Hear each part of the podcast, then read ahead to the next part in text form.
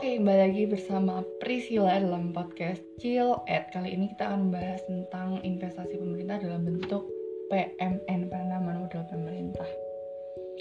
Nah, sebelum itu kita harus tahu nih pengertiannya itu apa dan tujuannya itu apa sih dari PMN ini. Oke, kita lihat dari segi peraturannya dulu.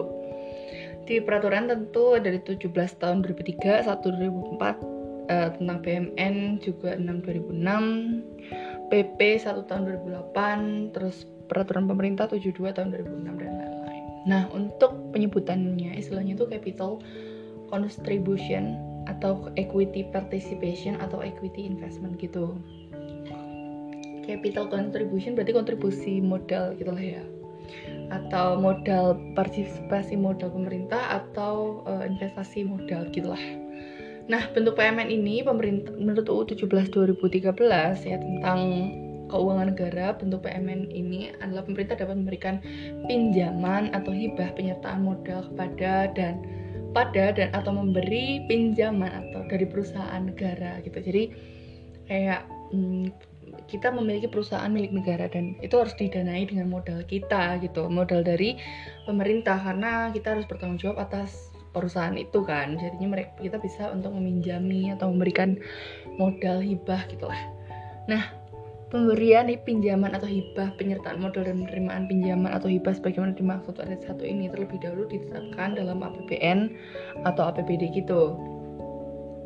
Nah, dalam keadaan tertentu untuk penyelamatan perekonomian nasional, pemerintah pusat dapat memberikan pinjaman atau melakukan penyertaan modal pada perusahaan swasta setelah mendapat persetujuan DPR. Jadi swasta pun sebenarnya kalau mereka memiliki peran penting buat uh, negara gitu bisa mendapatkan hibah ataupun PMN ini juga karena mungkin dalam keadaan krisis dan lain sebagainya supaya menyelamatkan perekonomian negara.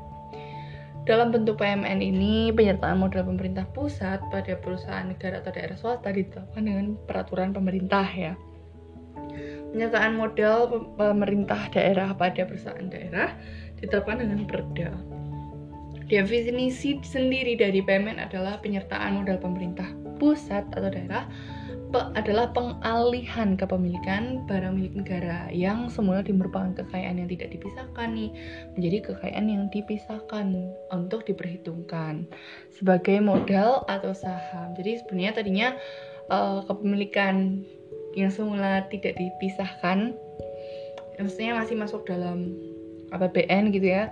Jadi kekayaan yang dipisahkan gitu jadi udah nggak masuk dalam anggaran APBN tapi maksudnya di sini uh, perencanaannya tuh masih masuk APBN tapi penggunaan dan juga belanjanya itu nggak masuk gitu. Maksudnya nggak mm, di diatur dalam APBN nggak ada laporan gitu APBN-nya jadi sebagai modal atau saham negara atau daerah pada badan milik usaha negara gitu hmm, atau badan hukum lainnya yang dimiliki negara. Nah, penyerta bentuk penyertaan modal negara itu kayak tanah, bangunan yang telah diserahkan kepada pengelola barang untuk barang milik negara dan bupati, gubernur atau barang milik daerahnya gitu. Jadi um, penyertaan modal pemerintah itu ya memberikan tanah, bangunan, terus tanah bangunan yang dari awal pengadaannya itu direncanakan memang untuk disertakan sebagai modal pemerintah pusat sesuai dengan tercantum dalam dokumen penganggaran jadi udah ada direncanakan hmm, kalau yang tanah dan bangunan yang udah diserahkan itu juga termasuk PMN gitu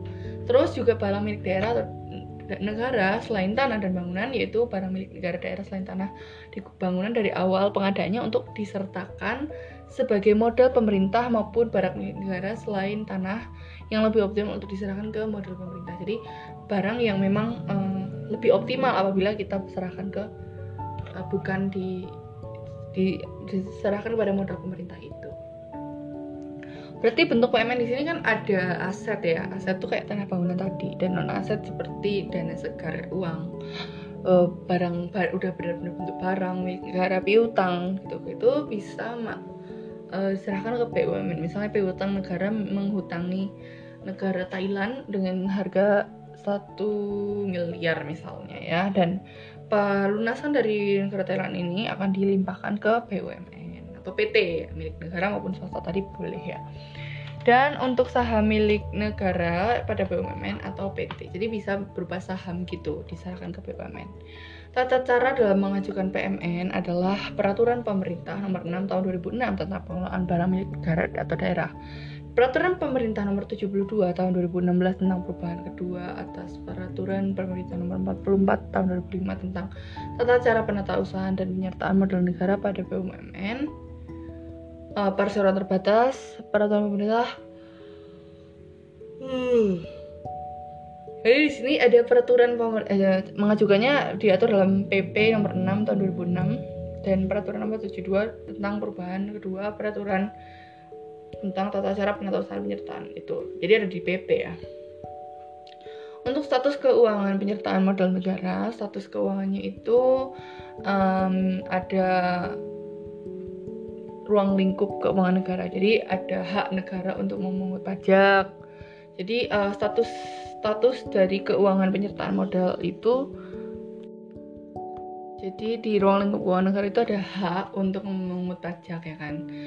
Um, bisa kewajiban juga untuk menyelenggarakan pemerintahan negara dengan membayar tagihan-tagihan belanja juga ada penerimaan ada pengeluaran penerimaan daerah pengeluaran daerah kekayaan negara gitu-gitu uh, dan lain-lain berupa uang surat berharga dan kekayaan lain dengan dalam rangka menyelenggarakan tugas pemerintah. Kekayaan pihak lain diperoleh dengan menggunakan fasilitas yang diberikan pemerintah. Jadi ada kekayaan-kekayaan negara yang memang dia punya uang punya surat berharga ada barang yang bisa dinilai gitu kan.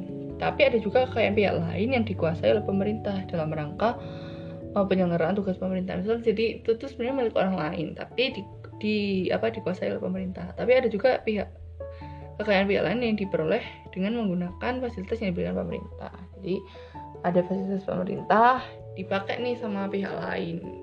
Jadi mereka uh, punya sumber daya gitu kan. Nah itu juga termasuk keuangan negara gitu. Ya di mana apakah PMN termasuk dalam lingkup keuangan negara? Jadi apakah PMN itu masuk dalam lingkup keuangan negara? Nanti kita jawab di, uh, di akhir ya karena memang ada pertanyaan seperti itu di akhir nanti terus kebijakan PMN itu dalam pembangunan itu seperti apa sih? Kebijakannya yaitu contohnya UMKM infrastruktur dan energi gitu Nah, contoh dari PMN itu sendiri itu kayak PT PNM Persero, PT PPUI Persero, Dana Bergulir BLU BIP, PT SMF, PT PLN dan lain-lain. Itu jadi contoh alokasi PMN itu itu. Oh, PT-PT lah ya. Perbedaan KUR dengan PMN itu disalurkan ke UMKM kalau KUR langsung menyasar pada pelaku UMKM tanpa perantara BUMN gitu jadi KUR dengan BUMN PMN itu disalurkan ke UMKM ya kan uh, KUR itu langsung menyasar ke UMKM-nya tanpa ada perantara BUMN tapi kalau PMN ada melalui BUMN dulu jadi PMN ini di dihibahkan ke BUMN, nanti BUMN yang menyalurkan ke UMKM seperti itu. Untuk tujuan alokasi PMN pada PT PM, PNM tahun 2020 adalah tujuannya memperbaiki struktur permodalan ya. Jadi ini salah satu uh, tujuan dari mengalokasi PMN ya. Di salah satu contoh ke PT PM, PNM ini yaitu struktur modalnya itu udah kacau. Jadi diperbaikilah sama bantuan PMN ini. Terus meningkatkan kapasitas pendanaan perseroan dalam melakukan pemberdayaan usaha para perempuan para sejahtera melalui program Mekar. Mekar meningkatkan pendanaan pemberdayaan para perempuan ya. Terus akselerasi nasabah program Mekar melalui program Mekar naik kelas sehingga menjadi nasabah yang memiliki akses pembiayaan yang mumpuni dan memperluas jaringan layanan program Mekar. Jadi mungkin PNM ini untuk membiayai UMKM ya. Gitu sehingga mereka bisa mumpuni dan lain sebagainya. Jadi PMN yang melalui yang untuk UMKM ini disalurkan melalui BUMN. Siapakah sebenarnya BPUI atau bahan, bahan pembinaan? Badan ya? Badan pembinaan usaha pers bahana ya? Bahana pembinaan usaha Indonesia. Oke, jadi ada membina usaha gitu dia tugasnya yaitu kayak security investment in banking, bahana TWC investment management, uh, bahana Arta Ventura, model Ventura, bahana PT Bahana Niaga Tata Utama dan lain sebagainya. Nah, alokasi PMN pada BUMI ini adalah konversi utang pokok kepada um, PT BPUI jadi non tunai ya ada konversi utang. Nah tujuan dari alokasinya di dalam BLU PIP ini adalah menyediakan fasilitas pembiayaan yang mudah dan cepat bagi pelaku usaha. Jadi yaudah ini aku kasih aja aja cepat aja. Terus meningkatkan nilai ekonomi pelaku usaha jadi lebih cepat berkembang gitu dia. Terus menambah jumlah wirausahaan yang terfasilitasi. Jadi banyak banget usaha yang maju terus bergerak karena terfasilitasi gitu. Terus memberikan penguatan kelembagaan bagi lembaga keuangan penyalur pembiayaan UMI baik yang mempunyai kooperasi keuangan atau lembaga keuangan lainnya. Jadi memberi kelembagaannya tuh lebih apa namanya lebih bisa gampang mengelola uangnya karena disokong pemerintah. Perkembangan pembiayaan investasi untuk pemberdayaan KUMKM 2015-2020 triliun rupiah. Oke. Okay. Investasi kepada BUMN, investasi kepada PLU. Jadi seimbang ya di 2020 ini cenderung lebih seimbang, guys. Next. Tujuan alokasi PMN pada STMF tujuannya mengalokasikan PMN pada PT SMF itu mendukung kesinambungan pembiayaan perumahan melalui penyediaan pendanaan kepada penyalur KPR. Jadi um, apa ya eh, permodalan pembiayaan perumahan itu berkesinambungan gitu sehingga menjadi menjaga porsi pembiayaan oleh pemerintah dari porsi perbankan sebesar 25%. Membiayai program KPR SMF, pasca bencana dan program KPR ASN TNI Polri, PT SMF Persero akan meleverage dana PMN dan yang diperoleh melalui penerbitan surat utang. Oke, mengingat PT SMF memiliki kemampuan leveraging yang memadai leveraging. Oke, jadi dia eh, apa ya? membiayai program KPR SMF terus pasca bencana dan program. Oke jadi membiayai KPR membiayai KPR lah melalui penerbitan utang. Oke karena ini berpengaruh pada perumahan pegawai ya. Terus tujuan PMN PLN memperbaiki struktur permodalan dan kapasitas usaha PT PLN Persero dalam rangka meningkatkan kemampuan pendanaan PT PLN untuk membiayai pembangunan infrastruktur tenaga listrikan terus ada evaluasi investasi PMN sebenarnya evaluasinya tuh investasi permanen penyertaan modal tuh ada berapa banyak banget buset. Buset banyak banget. Investasi permanen pada BLU dan lainnya gitu deh. Jadi banyak ya kontribusi dividen hanya lebih kurang 2% dividen. Wow kontribusi dividen. Jadi uh, apa yang menjadi um, apa namanya dividen di BUMN itu hanya 2% doang Oke, sekarang kita kembali ke pertanyaan yang di awal itu kita bahas yuk. Yaitu tentang apa sih? Uh, tadi? Uh, slide berapa sih? Oke, slide untuk kelas apa sih PMN itu termasuk uang negara bukan? Kita lihat ya. Oke, mungkin sambil dibaca aja ya. Jadi di sini dikatakan bahwa kalau kebijakan PMN itu dilakukan beberapa sektor ya, UMKM, sektor infrastruktur dan energi. Nah, sebenarnya apa sih tujuan PMN itu di sektor UMKM nah tentu kan meningkatkan kapasitas UMKM itu sendiri ya mendorong agar UMKM itu berkontribusi terhadap perekonomian gitu.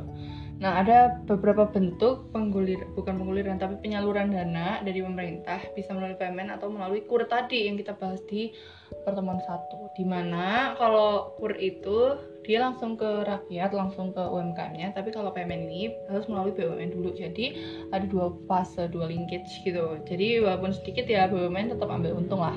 Kenapa demikian? Karena sebenarnya banyak orang yang nggak punya anggunan atau jaminan gitu untuk pinjam ke bank. Jadinya mereka pinjam ke kooperasi dan itu sebagai bentuk PMN gitu dia.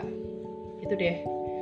Nah untuk itu sektor UKM UKM kalau PMN Nah, di sini untuk sektor UMKM, kalau PMN di sektor energi misalnya penanaman modal ke PLN atau Pertamina gitu untuk digunakan dalam pengembangan jaringan atau perluasan kapasitas produk. Kalau infrastruktur bisa dalam bentuk PMN PT SMF dalam penyediaan perumahan subsidi bagi MPR.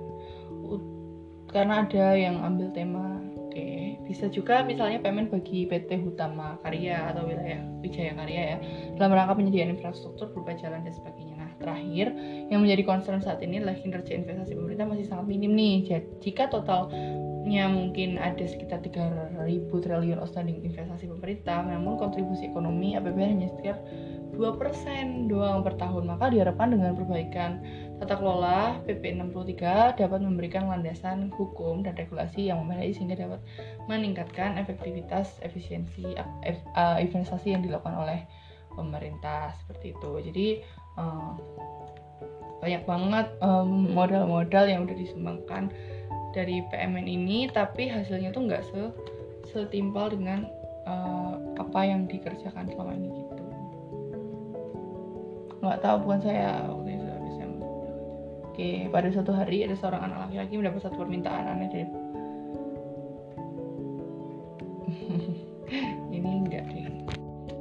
segitu dulu untuk pertemuan kali ini. Sampai jumpa